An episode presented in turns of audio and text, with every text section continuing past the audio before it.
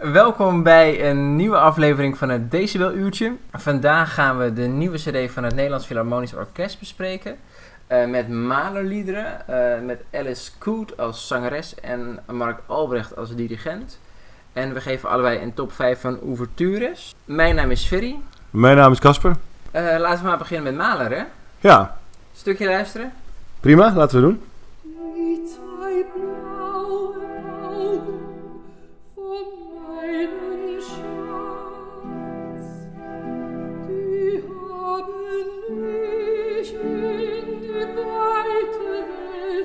show.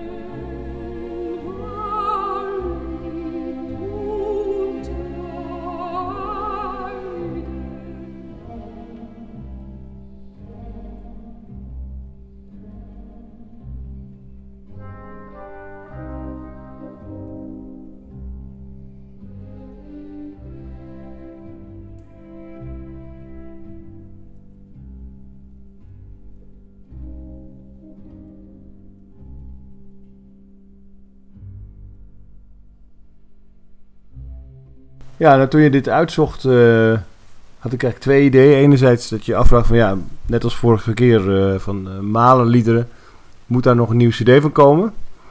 En ten tweede was ik niet zo heel erg enthousiast tot nu toe. Of ik had een beetje een gekke associatie met Alice Coote als iemand die vooral heel veel Hendel zingt en altijd als man verkleed. En dat ziet er dan niet uit en dan zingt het van die saaie aria's. Nou wist ik wel, omdat ik heb een aantal keer in het concertgebouw ook wel de Maler Symfonieën onder leiding van Albrecht met het Nederlands Philharmonisch bezocht. En die waren ook heel mooi. Dus ik had wel een goede verwachting. Ik denk van, uh, ze kunnen dat heus wel. En het is inderdaad ook zo, want ik vind dat waanzinnig mooi spelen. Heel erg uh, verfijnd. Heel subtiel. Kamermuzikaal, maar ook wel heel erg uh, expressief. En ik vind Alice Good ook heel erg meevallen. Eigenlijk heel erg positief verrassen. Als iemand ja, met een heel gave stem. niet zo een beetje al te gekelige mezzo, wat je vaak hebt bij wat oudere opnames. Maar een heel fijne, uh, gave stem. Die tegelijkertijd wel heel veel kleuren heeft en heel erg subtiel zingt. En uh, ja, gewoon heel erg gevarieerd is. Dus wat mij wel een heel indrukwekkende opname eigenlijk. Uh. Ja, ik had hetzelfde als jij had. Dat als je ziet, het Nederlands Philharmonisch Orkest die neemt de taak op zich om malenliederen op te nemen. Dat je denkt, waar is dit goed voor? Waarom doen zij dit? hier hebben we heel veel andere orkesten voor heel veel andere dirigenten die dit ongetwijfeld honderden keren beter kunnen. Maar ik was aangenaam verrast. Ja, nee, ze spelen ontzettend subtiel. Wat ik niet zo erg van het Netvo gewend ben eigenlijk. Ehm, heel verfijnd, heel breekbaar. Heel Maleriaans. Ze weten echt de, de geest van Maler goed te, te vatten.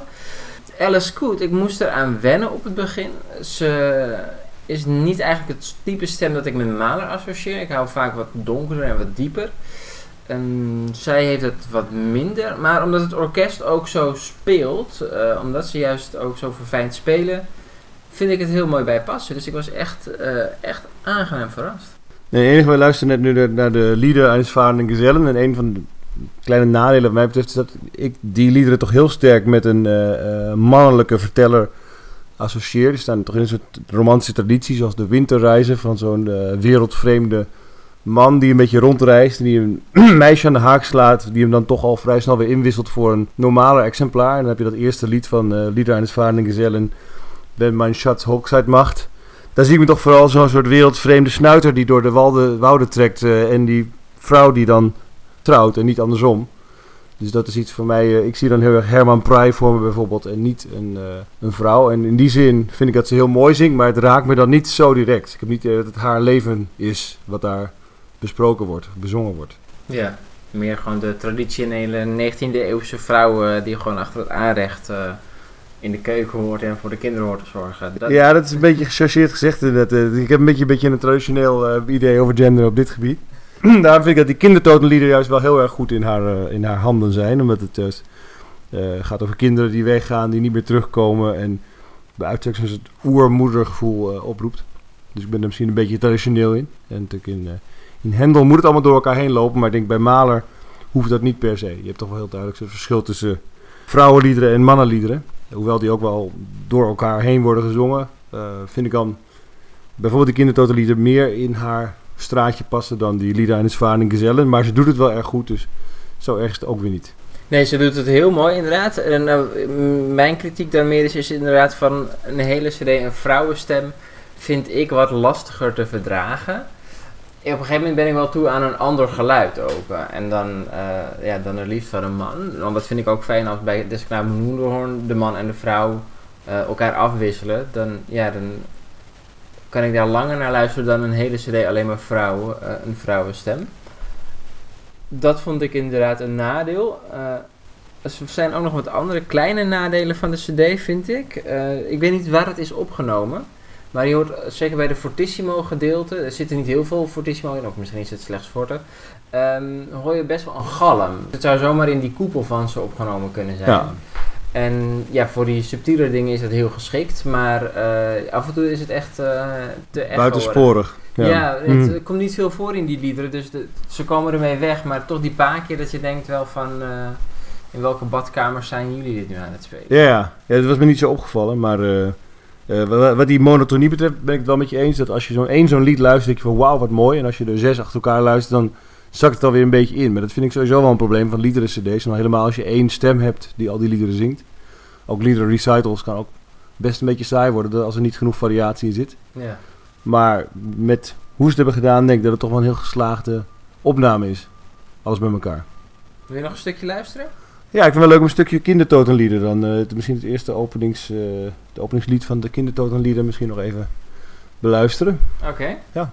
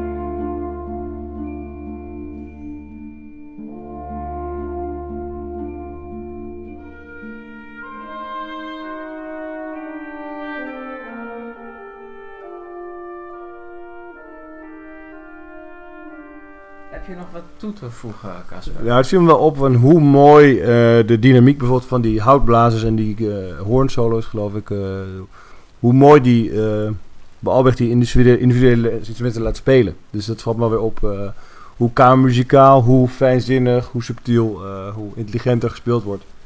Dat is echt wel genieten, vind ik, eh, in, Ja. deze- in dit lied. Ja, het, het is, eh, ik, ik eh, kon moeilijk geloven dat het het Netvo was. De, de eerste keer dat ik eh, hem luisterde, dacht ik dat het een soort van practical joke was. Van, nou, we laten gewoon een internationaal toporkest laten we dit doen. En dan zeggen we gewoon dat het Netvo is. En dan, Ja.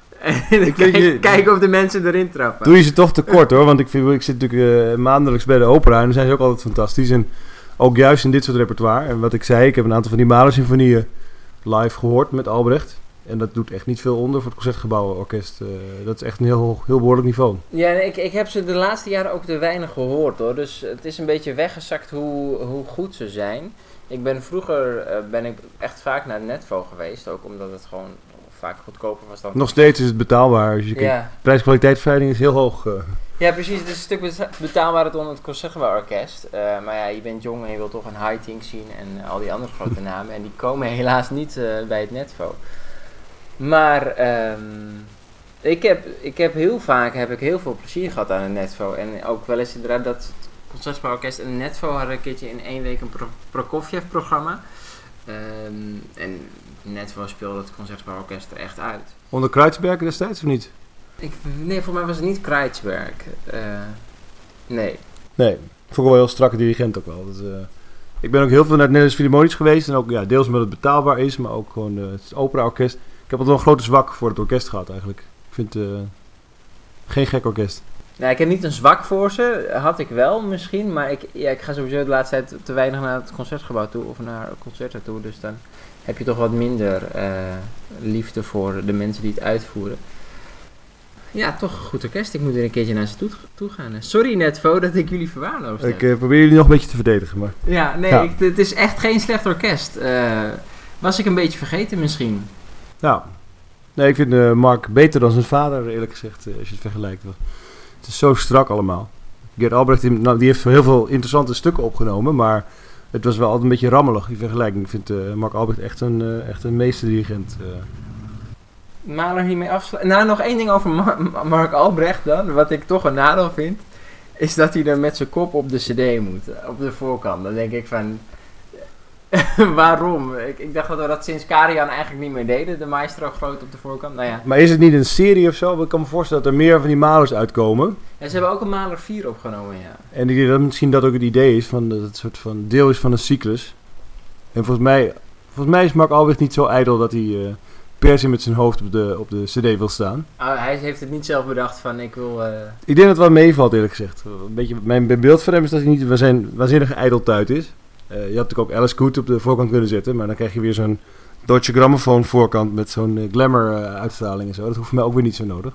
Ik denk dat het vooral te maken heeft met dat er meerdere opnames zullen gaan verschijnen en dan zijn verschenen waarbij Albrecht de verbindende factor is. En dat ze dan liefst zijn gezicht erop doen. Maar ja, daar kun je van vinden wat je wilt. Niemand komt in de buurt van Karian op dat gebied. Dus ja, we hoeven ons geen zorgen te maken. Karian met zijn sjaaltjes over zijn schouder. Schitterend. Ja. Geniet er altijd van. Er moet eigenlijk een keer een fototentoonstelling komen van al die Karian hoezen of zo. Ja, dat is fantastisch.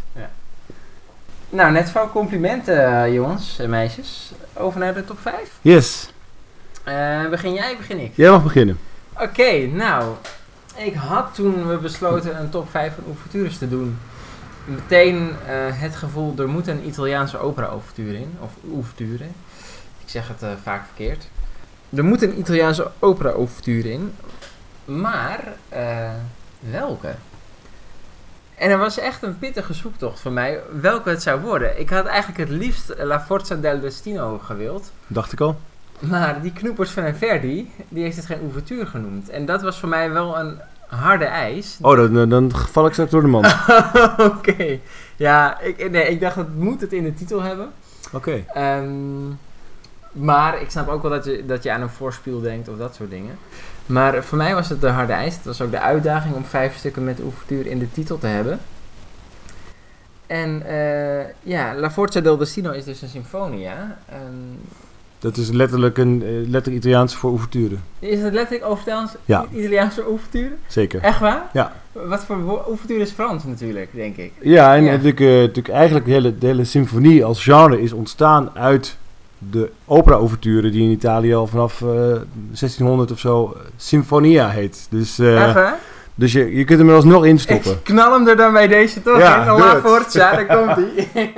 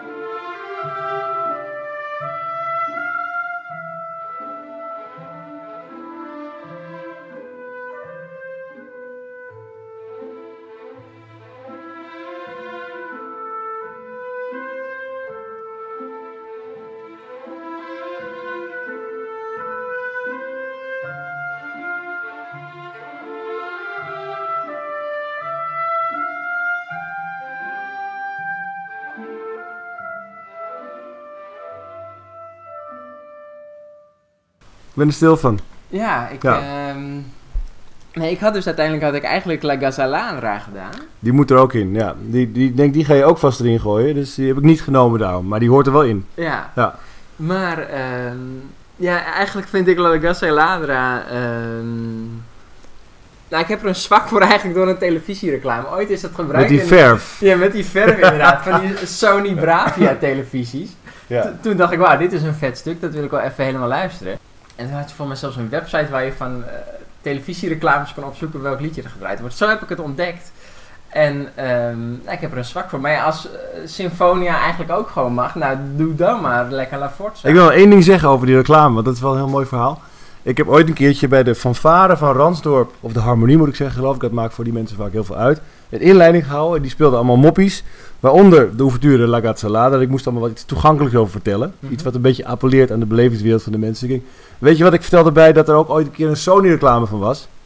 En toen werd ik achteraf op mijn vingers getikt door de organisatoren, omdat dit concert in een eh, sporthal, waar iets van eh 50 mensen aanwezig waren, gesponsord werd door de lokale Kodak-dealer. Dus dan moet je geen reclame maken voor Sony. Dus toen heb ik het de tweede avond dat ik het moest doen, heb ik het me weg moeten laten om dat een beetje te rectificeren. Of nog in het volgende praatje moeten zeggen van nou dat eh, Kodak ook wel een heel gaaf merk is. Eh, Nooit meer iets over reclame, want dan eh, voor je het weet dan... zelfs in Ransdorp is de commercie al in het muziekleven doorgedrongen. Zelfs daar. Ja, maar eh, gaan we toch La Forza doen? Ja, ik ga toch voor La Forza. La Gazza is trouwens van eh, Rossini, hè? heb je voor mij niet erbij gezet. Eh, Nee, is van La Rossini, Gazza Lade, de diefachtige ekster. Ja, die is van Rossini. En eh, ja, Rossini die heeft natuurlijk wel een soort gemakzuchtige uh, ouvertures altijd. Gewoon een beetje hoogtepunten knippen en plakken, achter elkaar zetten en klaar. Waardoor ze vaak ook wat te lang duren. Dat vind ik dan altijd een nadeel dat ik denk van ja, ik kom hier voor de opera zou ik dan denken. Kom op met die opera en eh, niet Die duurt vaak nog langer. ja. Dus eh, dat vind ik altijd een beetje zwak van Rossini, maar toch, eh, of van heel veel mensen. Maar toch, die Gazzaladra is gewoon een heel erg lekker stuk. Maar dat is hem dus niet geworden. Ja. Dankjewel, Lang Casper. verhaal, kort verhaal. ja. Dan gaan we nu weer verder met eh, mijn nummer 5, of niet? ja, jouw nummer Ja. 5, ja. Je komt ook altijd heel erg bij de, de opera uit. Dat is het eerste waar je aan denkt bij ouvertures. Maar er zijn natuurlijk ook wel eh ouvertures voor andere stukken. Bijvoorbeeld voor toneelstukken. En eh, ook een beetje voor de variatie. Heb ik besloten om iets in te gooien wat ik als kind altijd helemaal geweldig vond. Een soort feerieke, elfenachtige muziek. De Midzomernachtstroom of eh ouverture van eh, Mendelssohn. Eh, wat ik altijd een heel spannend stuk vond. eh, en, eh, lijkt me leuk om dat ook aan toe te voegen. Eh, omdat er ook een hoop opera nog langskomt. En nu iemand die absoluut geen opera's kon componeren, maar toch wel een aardig componist was.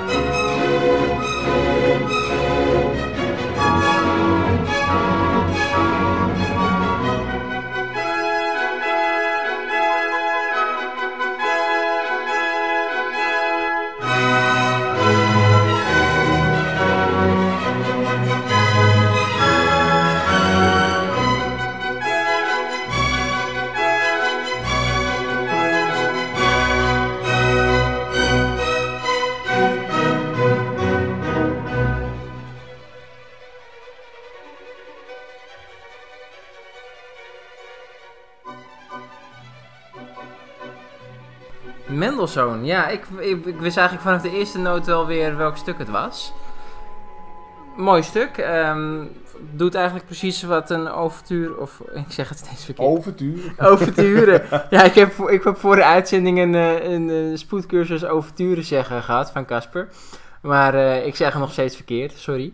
Ouvertuur. Het is een goede ouvertuur ehm, die precies doet wat, wat hij moet doen. Namelijk, het, hij triggert iets waardoor je zin krijgt in de rest van het, eh, het stuk. Dat vind ik eigenlijk de functie ervan. Eh, tenminste, bij een ouvertuur van opera of van... Dit is toneelmuziek, toch? Ja. Ja. Dus dat, eh, dat vind ik hier goed aan. Ja, ik heb verder ook niet zoveel over te zeggen, maar ik vind het charmante muziek. En dus, hij schreef toen hij 17 was, geloof ik. En dan hoor je wel wat voor gave componist het is. En zo is het een beetje vroege romantiek. Dus ik vind het wel ja, heel geslaagd. Maar ook niet iets waar ik nou een half uur over hoef door te kletsen. Oké, gaan we dat niet doen. Nee. Eh, mijn nummer 4 dan. Eh, ik vind het lastig om het te doen, maar ik ga toch weer komen met een stuk van Carl Nielsen. Maskerade. Niet Maskerade. Oké.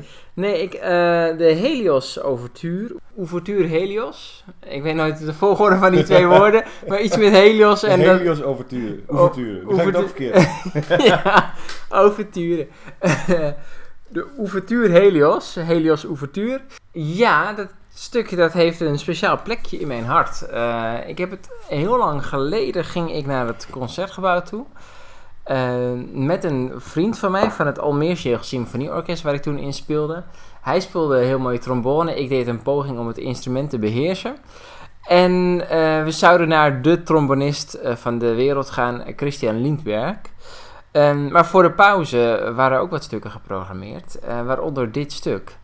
En eh, ik was vanaf de eerste noot eh, verliefd erop. Het begint heel zacht met, met lage strijkers die een soort van eerste zonnestralen uitbeelden.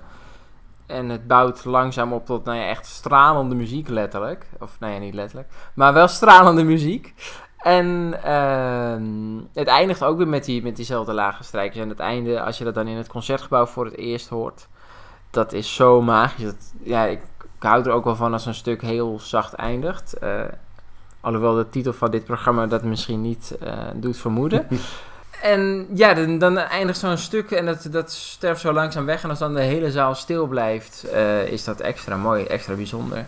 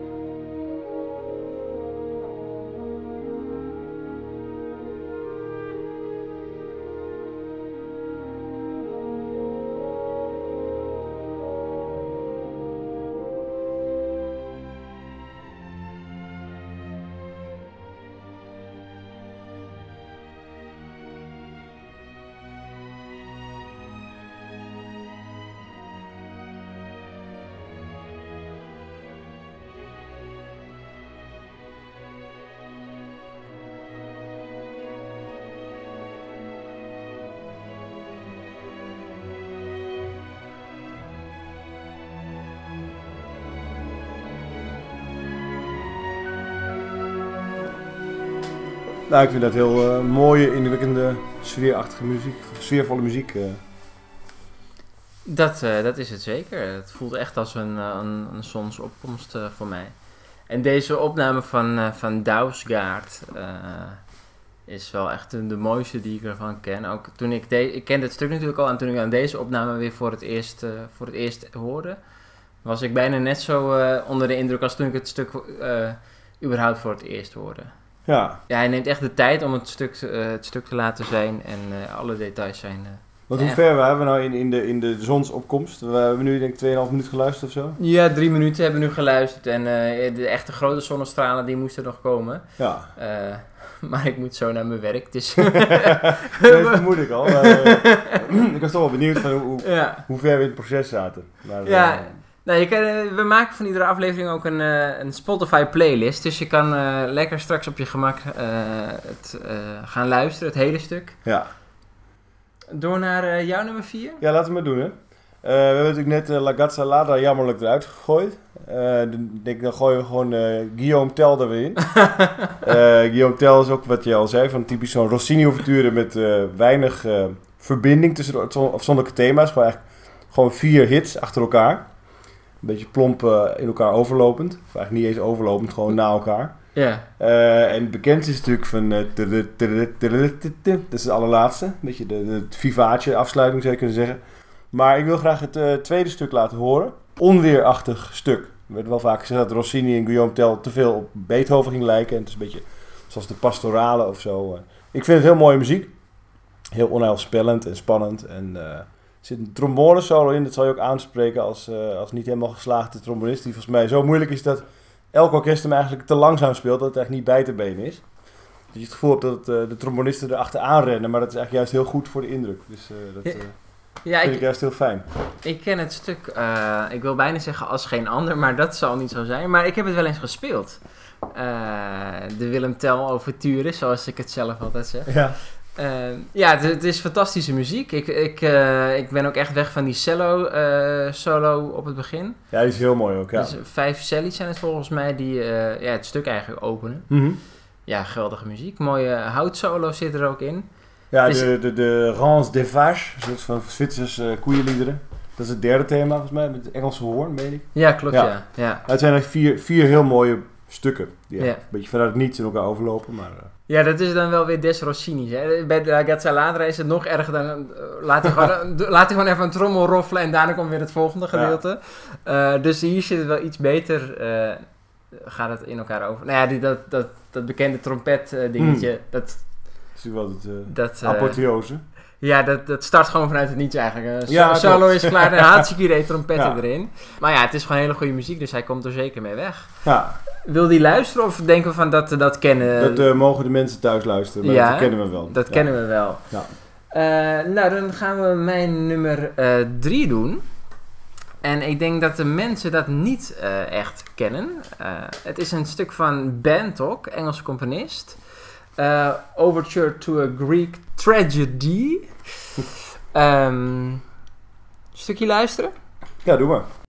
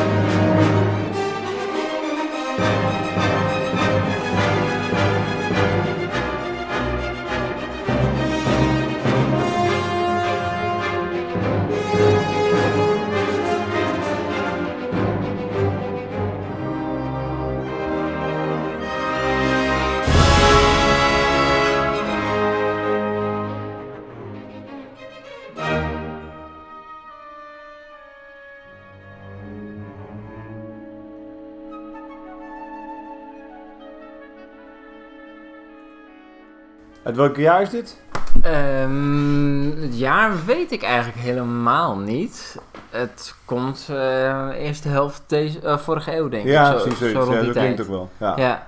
Ja, ik vind het wel mooie muziek en eh, spannend. En soms denk ik wel van de, de, hoe de dingen in elkaar overlopen, niet helemaal optimaal, maar alle afzonderlijke episodes zijn wel heel mooi en spannend. Dus ik ben wel benieuwd, ik zou het een keer helemaal moeten luisteren. Ja, het is, eh, nou, wat je dan hoort als je het helemaal luistert, dan hoor je wel eh, zijn bijnaam, of zoals hij wel eens genoemd wordt, hoor je wel terug. Hij wordt, namelijk, hij wordt wel eens de Engelse Richard Strauss genoemd. Mijn liefkozende titel is dan de Richard Strauss die wel kon componeren.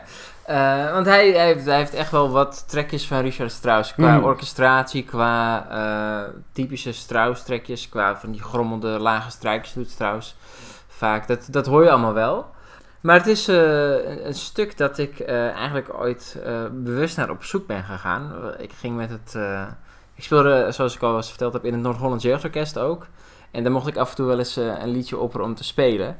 En ik ben eigenlijk toen op zoek gegaan naar gewoon een, een onbekende ouverture. En zo ben ik eigenlijk... Hyperion had zo'n... het label Hyperion had zo'n boxje met orkestmuziek van Bantok.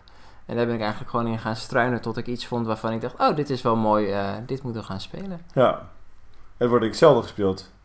Of Ja. niet? Ja, het wordt, ik, eh, ik kan me niet herinneren dat ik ooit überhaupt Bantok in Nederland op het programma nee, dat heb ik zien misschien staan. in Engeland misschien meer, maar ook in Engeland heb je ook wel wat andere mensen nog die meer in de aandacht staan. Maar, maar leuk om naar te luisteren. Ik hoorde ook veel, veel waken in terug, maar dat is natuurlijk ook een beetje wat eh, Strauss ook wel met hem gemeen heeft, denk ik. Verrassend in elk geval. Ja, ik dacht Ja. we, we doen even wat geks eh, tussendoor. Heel goed, ja. Eh, wat is jouw nummer drie? Eh, minder gek. Ook niet heel bekend, maar de mensen die de afgelopen tijd in de opera zijn geweest, kennen het misschien wel. Ik wil het voorspel uit, van Govanchina van eh Mussorgsky spelen. Uitkijken over de rivier Moskou, geloof ik dat het heet. Ja. En het is een beetje zoals de Moldouts, typisch van die watermuziek. En het is een heel mooie melodie, die ook een soort van zonsopgang. En eh, vervolgens ontstaat die melodie. Eh, dus een heel idyllisch, eh, mooi stuk, vind ik. Het is En, eh, fantastische muziek. Fantastische muziek, dus Ja. het wordt wel leuk om dat op te nemen in deze ja. lijst van overtures.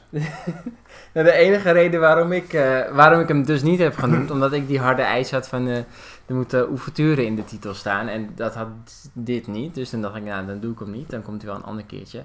Maar eh, jij hebt hem gelukkig wel genoemd, want het is, het is echt hele mooie muziek. Het, eh, het, het laat je eigenlijk, eh, het laat je die opera echt inglijden, vind ik. Je komt ja. echt, echt in de sfeer van de opera. Dat vind ik heel mooi eraan. En het, het duurt ook niet zo lang, dat vind ik er goed aan. Ja. Dat je niet na een kwartier hebt van, nou is het... Ah, Wanneer gaat het doek open, Ja, jongens? Jongens. Nee, het is heel mooi, heel sfeervol. het is fantastisch. Ja, Mijn nummer twee eh, is eh, van jouw goede vriend Beethoven. yes.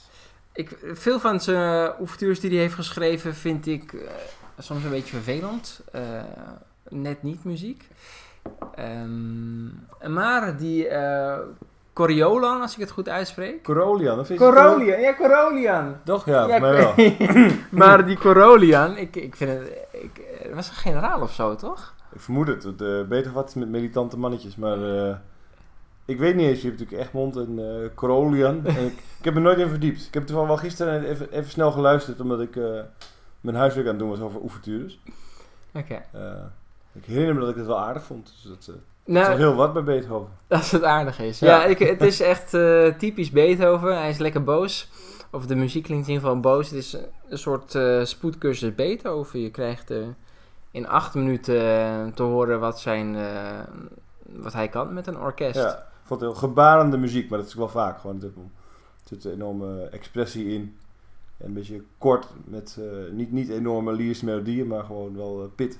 Ja, heel veel ja. pit inderdaad, ja. Stukje opzetten of ja, uh, kennen de mensen Een kort stukje moet wel kunnen. Ik denk dat het niet zo bekend is. Ah, Oké. Okay.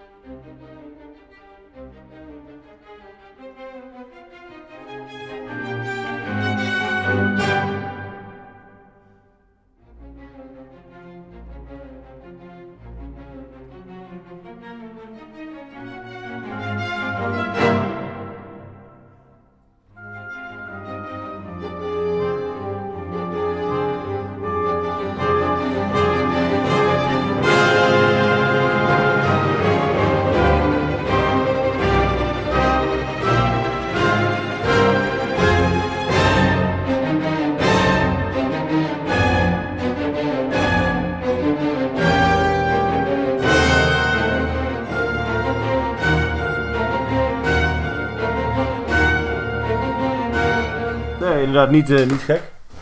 Als we het over gezegd hebben, wel, eh, wel, eh, wel klopt. Ja, ik denk alleen het enige wat je moet oppassen is dat je wel een, goede opname ervan pakt. Anders, anders kan het een heel vervelend stuk worden. Ja. Ehm, ik zou zelf voor Arnon Koer gaan met Chamber Orchestra of Europe. Ja. Sowieso is dat mijn favoriete Beethoven-cyclus. En eh, luister die. ja, hopelijk staat hij in de lijst van... Hij staat in de lijst. Nou, fantastisch. Zullen we dan maar snel door naar de twee? Want Ja. Ferry's- baas heeft al gebeld waar hij blijft. Dus eh Ja. hij moet, eh, moet opschieten. Dit is een stuk van eh, iemand die niet per se bekend staat als een grootmeester, maar wel eh, een aantal heel goede operas heeft geschreven. En eh, dit is ook typisch zo'n ouver- ouverture die gelijk de sfeer van het stuk helemaal neerzet. Heel compact. En er zitten ook een paar heel verrassende harmonische wendingen in. Die, ik heel, eh, die zijn heel eenvoudig, maar die zijn wel heel eh, spannend en eh, leuk. Dus wat mij betreft een van de beste manieren om, het, eh, om de opera te beginnen. Ik laat een stukje horen van Faust van Gounod. Ik weet niet of het officieel een ouverture is, maar daar heb ik ook niet zoveel eh, aan laten liggen. Je bent niet zo autistisch als ik. Hè, wat dat Nee, ik wist het sowieso niet van tevoren. Dus, eh, maar eh, eh, wel mooie muziek, dus we gaan een stukje luisteren.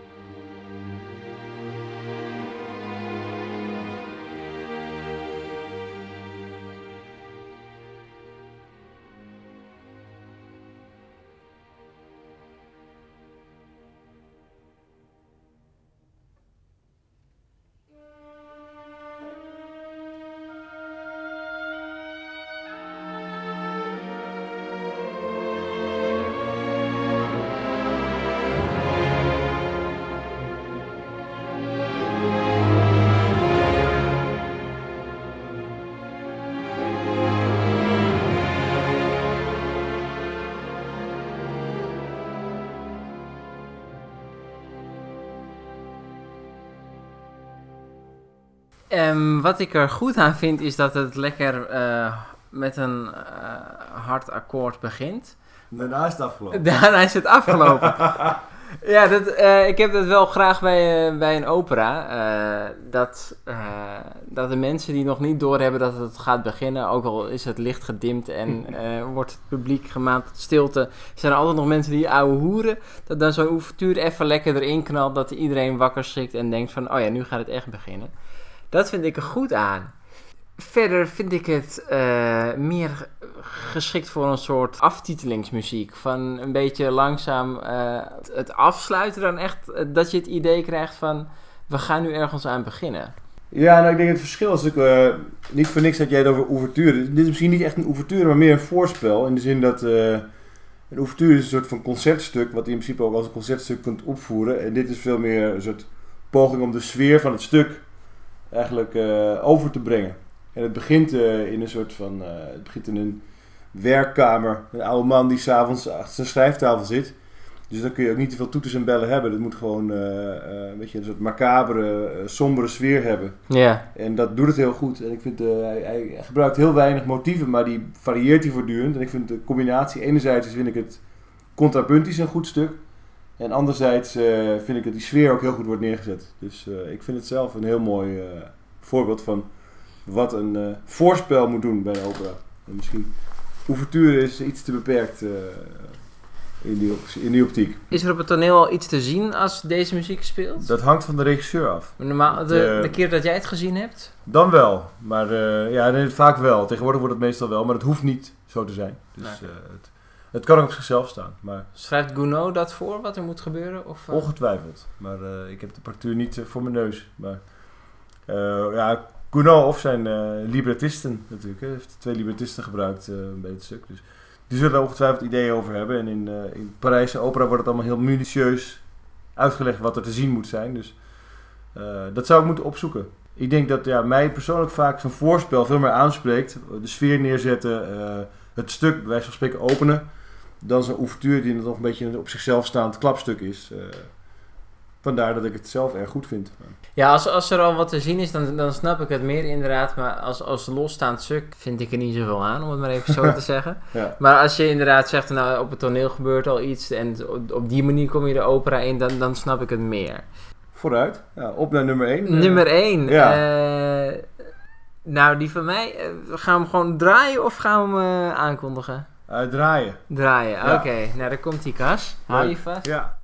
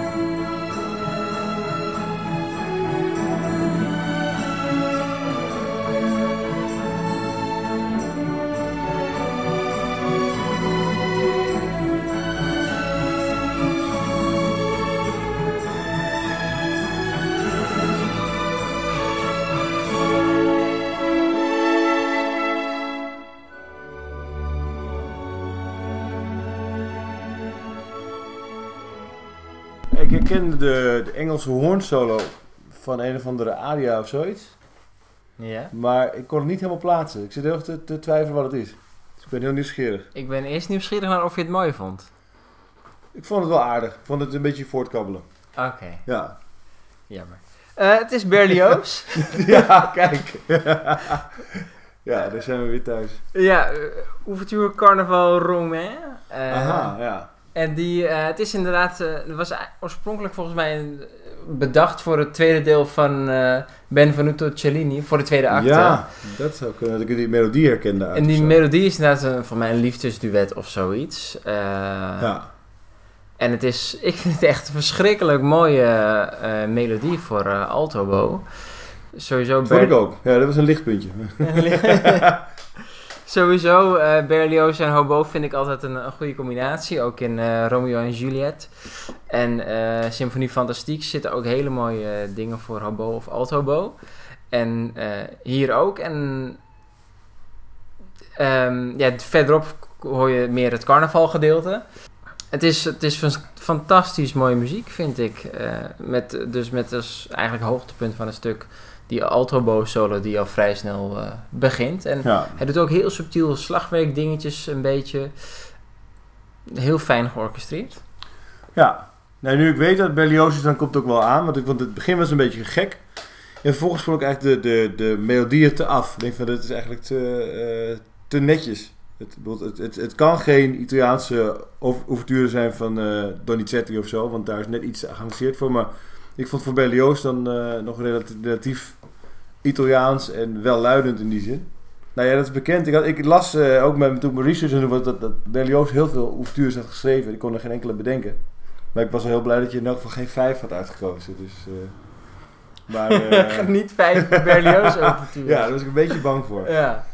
Nee, dat, toch dank. Ja, nou, eigenlijk, eigenlijk als we hadden bedacht, of ik had bedacht dat eh, we een stuk eigenlijk maar één keer gingen bespreken. Ja, Eh, dat je niet iedere week eh, hetzelfde stuk, of iedere aflevering hetzelfde stuk, over hetzelfde stuk hebt.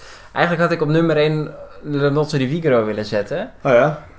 Want dat vind ik echt een lekkere ouvertuur. Maar die heb jij in de eerste aflevering al de, de, de grond in getrapt. ja. Dus die kon ik niet meer doen. Dus anders was dat mijn nummer 1 geweest. En Berlioz op nummer 2. Ik had nog een beetje op Don Giovanni gerekend bij jou wel. Ja, dat, eh, dat vinden veel mensen vinden dat een, een, een goede ouvertuur. Maar ik heb het juist helemaal niet. Ik heb juist omdat hij... Hij begint eigenlijk met het meest dramatische moment van die opera. En dat vind ik eh, slecht. Mozart, doe dat. Want dan heb je eigenlijk heb je al een soort van vooruitblik op wat er gaat komen, maar daarmee is het kruid meteen ook verschoten. Dan, ja, drie uur later ben je alweer die ouvertuur vergeten, dat is dan wel weer waar. Maar ik, heb het, ja, ik vind het slecht om eigenlijk met het hoogtepunt van je opera, om daar dan ook die, die ouvertuur mee te beginnen. Ja. Ik vind het wel ik snap je punt. Ik vind het wel heel indrukwekkend. En het is wel gewoon met, afstand de meest dramatische ouverture die Mozart heeft geschreven, juist door dat begin. En dan vind ik Le Nozze dat eh, ja, toch een beetje eh vlierfluiterig. Dat gaat een beetje naar hier en daar. En het is allemaal snel en vrolijk. En Het knalt zo lekker. het knalt wel. Maar ja, dan vind ik dan... Als je dan toch met een grote knal wil beginnen, dan vind ik de knal van Don Giovanni wel een stuk fijner. Maar... Hij had even een andere knal eh, moeten bedenken, Mozart. Op zich Ja. vind ik het wel goed om gewoon lekker dramatisch te beginnen. Het, het ademt ook wel echt van, nou hier komt een opera, dames en heren. Eh, maar hij had even de moeite moeten nemen om, om iets anders iets eh, te schrijven dan eigenlijk gewoon letterlijk eh copy-pasten op... Maar niet zoveel tijd meer, hè? schijnt. Nee? Ik hoop dat hij het op het laatste moment heeft geschreven. Maar dat, is, dat zeggen ze altijd over Mozart. Van, de inkt was nog nat bij de, bij de, bij de première. Maar dat, eh, Bij Rossini zegt ze dat toch ook, ja. Ja, klopt. Rossini ik dacht er ook helemaal niet over na. Die, die, die, die Nee. maar wat. Maar nee, bij Mozart wordt ook wel vaak gezegd. en Ik, denk dat het bij Don Giovanni misschien ook wel zo was. Maar dat weet ik niet helemaal zeker. Maar, eh, goed, we hebben het nu al heel lang over Don Giovanni. Terwijl hij niet eens in de top, top, top 5 zit. Hij Eh, komt geen eens in de top 10 in. Nee, Eh, ik ben wel benieuwd naar jouw nummer 1, eh Ja. Casper. dan gooi je hem even erin.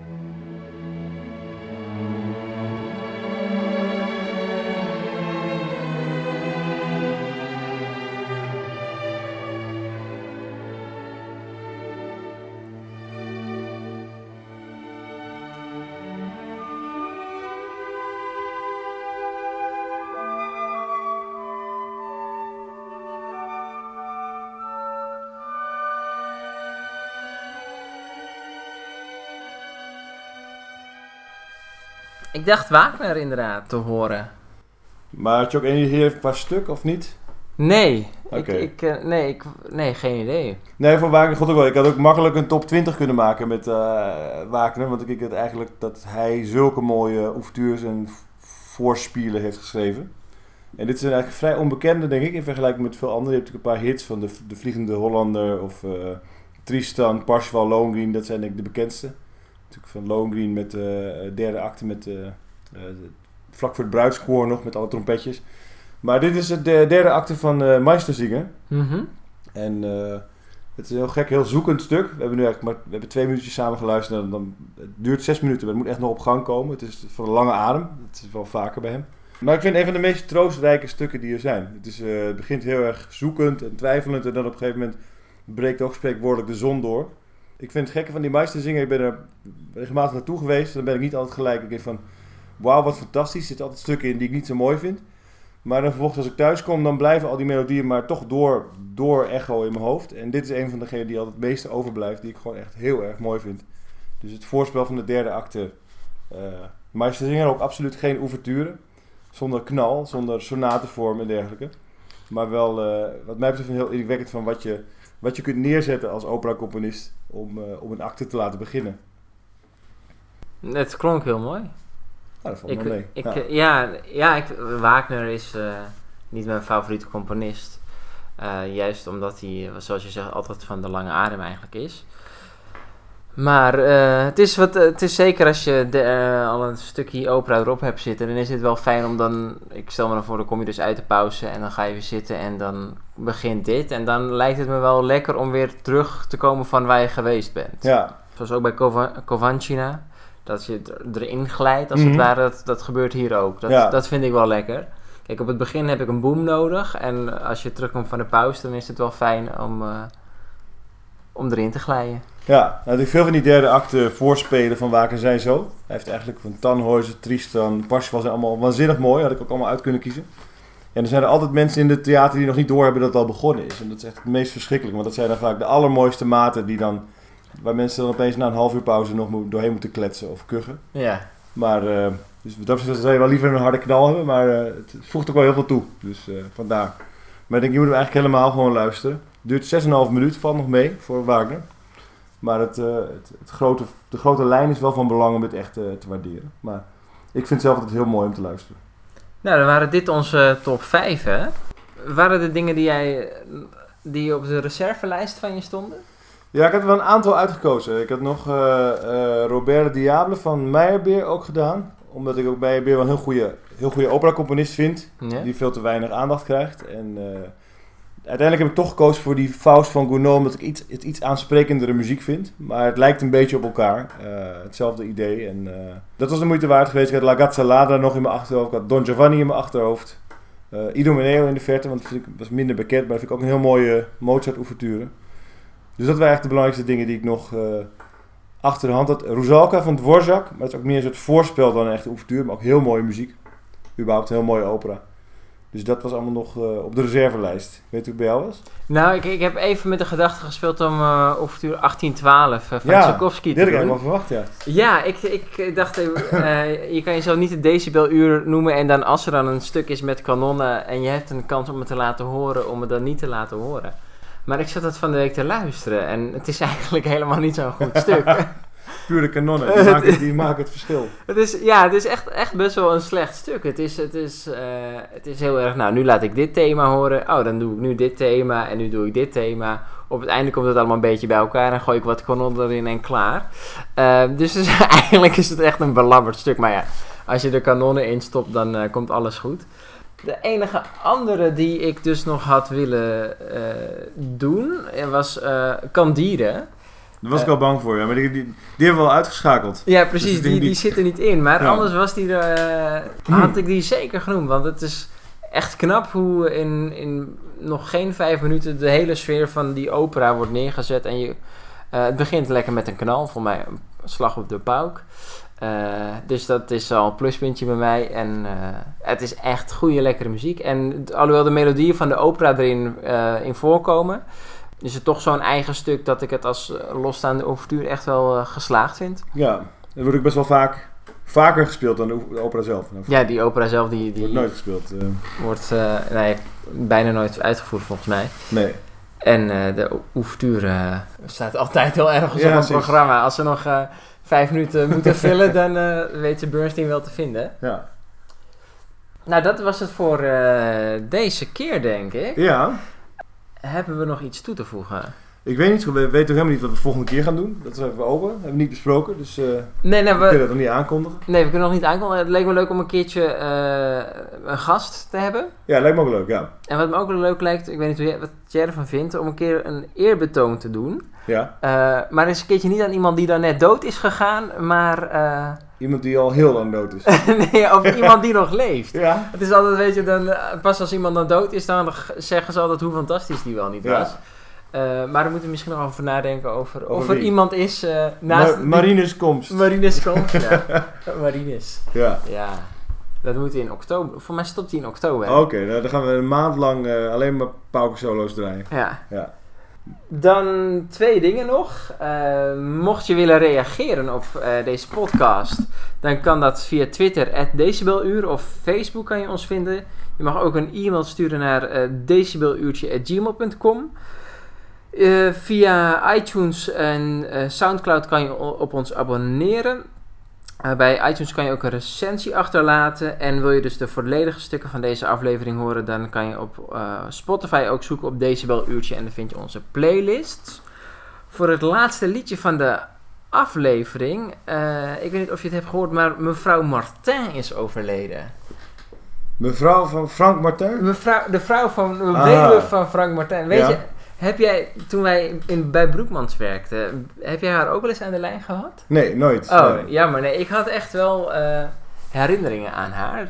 Ze, ze, ze belde altijd op met een niet echt goed de- te definiëren accent. En dan vroeg ze altijd alleen maar, haar openingszin was altijd... Heeft u al de nieuwe cd van mijn man? En die bestelde ze dan. Maar jij kent haar dus, jij hebt haar nooit nee, meegemaakt? denk niet. Nee, Ah, dat heb ik niet, kan me niet herinneren. Oké. Nee. Ja, ze was altijd een beetje... eh, nou ja, over de dode niets dan goeds. Ja. Maar ze was... eh, ze had in ieder geval altijd een beetje de verwachting dat wij altijd wel wisten wie zij was. Ja. En eh, als zij zei, heeft u de cd van mijn man, dat we dan altijd meteen wisten over, dat het over Frank Martin ging.